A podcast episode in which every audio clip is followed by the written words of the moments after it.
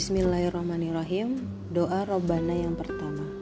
Robbana atina fid dunya hasanah wa fil akhirati hasanah wa qina azabannar.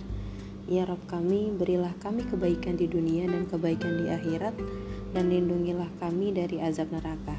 Quran Surat Al-Baqarah ayat 201 Banyak manusia tak menyadari bahwa ketika ia berdoa akan membuka jati dirinya di hadapan Allah apakah ia hamba dunia ataukah ia hamba akhirat.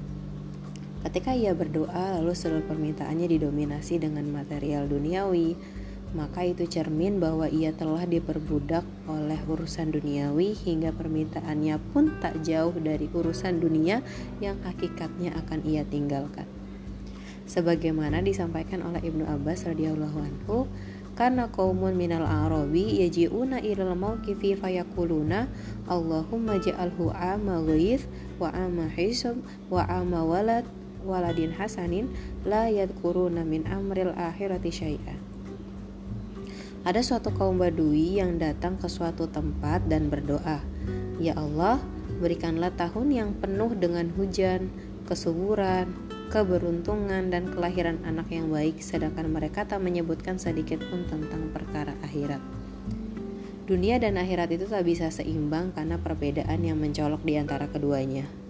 Surga itu tak ternilai harganya dan dunia hanyalah recehan yang pasti akan rusak ketika kiamat menyapa. Oleh karena itu, seseorang yang yakin terhadap akhiratnya, ia akan terus memusatkan perhatiannya ke negeri akhirat daripada urusan dunia.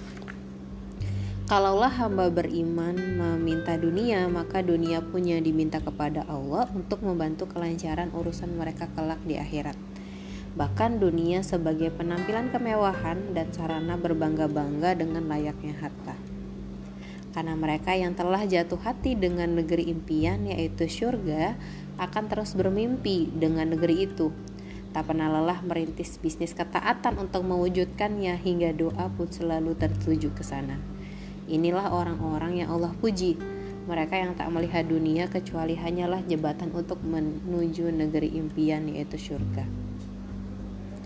Mereka pun sadar kembali bahwa semua kunci dunia kalau Allah mereka peroleh takkan sebanding dengan nikmat surga. Sebagaimana mereka pun juga sadar bahwa siksa akhirat akan menghilangkan seketika. Nikmat dunia sepanjang hayat dikandung badan juga menghilang dalam seketika. Orang termewah sedunia yang termasuk penghuni neraka didatangkan kepada hari kiamat lalu dicelupkan sekali ke neraka. Setelah itu dikatakan kepadanya Wahai anak cucu Adam apakah kau pernah melihat kebaikan sedikit pun? Apakah kau pernah merasakan kenikmatan sedikit pun? Ia menjawab tidak demi Allah wahai Rob. Kemudian orang paling sengsara di dunia yang termasuk penghuni surga didatangkan jadi di sini dibedakan teman-teman antara orang yang di dunia itu hidupnya bermewah-mewahan dengan orang yang hidup di dunia itu penuh dengan kesengsaraan. Kemudian dikatakan kepadanya, Hai anak cucu Adam, apakah kau pernah melihat kesenangan sedikit pun? Apakah kau pernah merasa sengsara sedikit pun? Ia menjawab, tidak.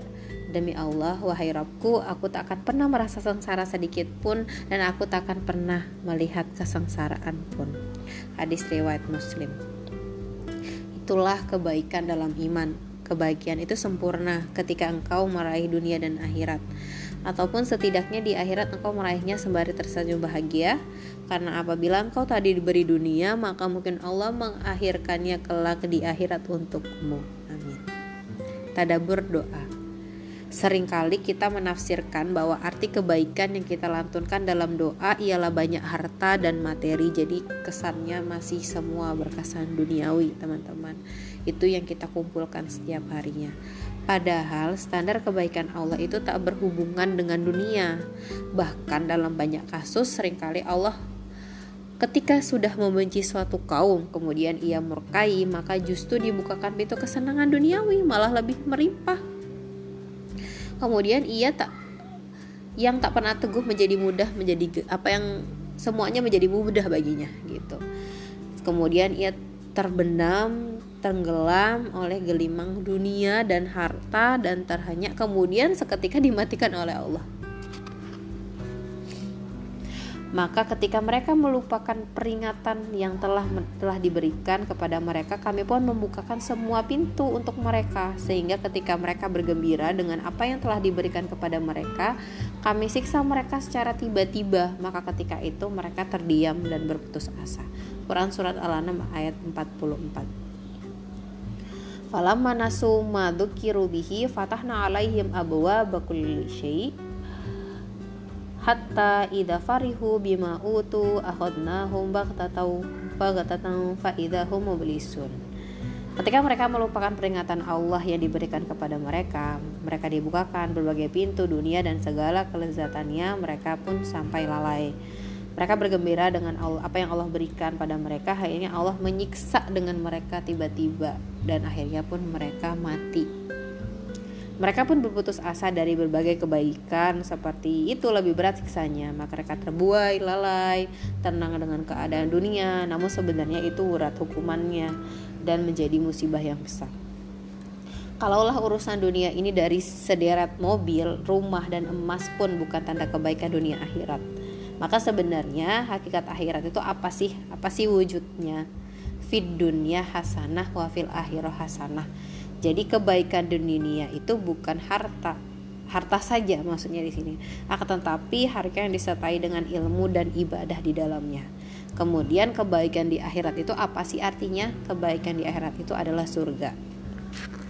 Ini adalah tafsir ulama karena kebaikan yang paling tertinggi adalah ilmu syar'i atau yang bermanfaat amal dan amal yang soleh. Oleh Ibnu Qayyim al-Jauziyah halaman 141. Ilmu yang berubah manis dengan ketaatan itulah sejatinya dari arti hasanah yang kita sebutkan dalam doa. Karena kita semua mengetahui bahwa surga itu identik dengan ilmu selayaknya ikan identik dengan air. Jadi ya kita menuju surga harus butuh ilmu. Seperti ikan tidak bisa hidup tanpa adanya air gitu. Ketika Allah ingin mengubah nasib seseorang di akhirat, maka Allah pun akan mengadu gerahkannya kepada ilmu akhirat yang berujung pada ilmu amal soleh sehingga dia berjalan sesuai dengan kecintaan dan keridoannya ia mampu membedakan mana jalan surga dan manakah jalan neraka, mampu mengiris antara jalan keberuntungan, keburukan dan keselamatan. Dan semua itu bisa diraih dengan semua sebuah ilmu, pintu ilmu yang ber, pintu yang bernama pintu ilmu. Rasulullah SAW bersabda, "Manjuridillahu bihi khairan yufaqihu fiddin." Jadi barang siapa yang dikehendaki dalam untuk kebaikan oleh Allah, maka Allah akan menghamkan dia dalam urusan agamanya. Maka Nabi membagi kebahagiaan ini menjadi dua kelompok, yaitu menjadikan ilmu dan amal sebagai sebab untuk meraihnya. Dan juga beliau membagi antara kecelakaan itu menjadi dua kelompok, yaitu menjadikan kebodohan berserta akibat-akibatnya dan kecelakaan dari kebodohan itu. Maka seluruh kebahagiaan itu sesungguhnya semua kembali, kembali kepada ilmu dan konsekuensinya dan seluruh kecelakaan kembalinya kepada kebodohan dan buahnya. Karena betapa banyak manusia yang mendapatkan kebaikan hidup dengan perhiasan ilmu dan amal yang dia miliki. Lihatlah contoh Ahnaf bin Qais radhiyallahu anhu, sosok yang disifati dengan kepala yang kecil, hidung yang menukik turun, telinga lunak, gigi yang tidak beraturan, bibir yang bengkok, dagu yang miring, tipis yang menonjol, mata yang pecah, kurus lebar, namun dengan semua kekurangan fisiknya terdapat tumpukan ilmu dan amal. Maka Allah pun memuliakannya Mara itu syarifah kaumin karena afdalu minal ahnaf dan aku tidak akan aku tak melihat seorang pun menjadi sosok pemuda kaum yang lebih utama daripada seorang ahnaf maka Khalid bin Sawan berkata, Kanal ahnafu yafiru minasyarafi wa syarafu yatba'uhu. Al-ahnaf lari dari kemuliaan akan tetapi kemuliaan itu terus mengikutinya. Semoga kita termasuk orang yang dianugerahi harta, ilmu, dan perhiasan amal soleh, serta memantaskan diri kita untuk mendapatkan di tiket surga. Atau minimal kita diberikan anugerah ilmu dan amal yang menjadi penyelamat dalam kehidupan akhirat dan dunia. Khususnya untuk akhirat kita nanti. Terima kasih. Wassalamualaikum warahmatullahi wabarakatuh.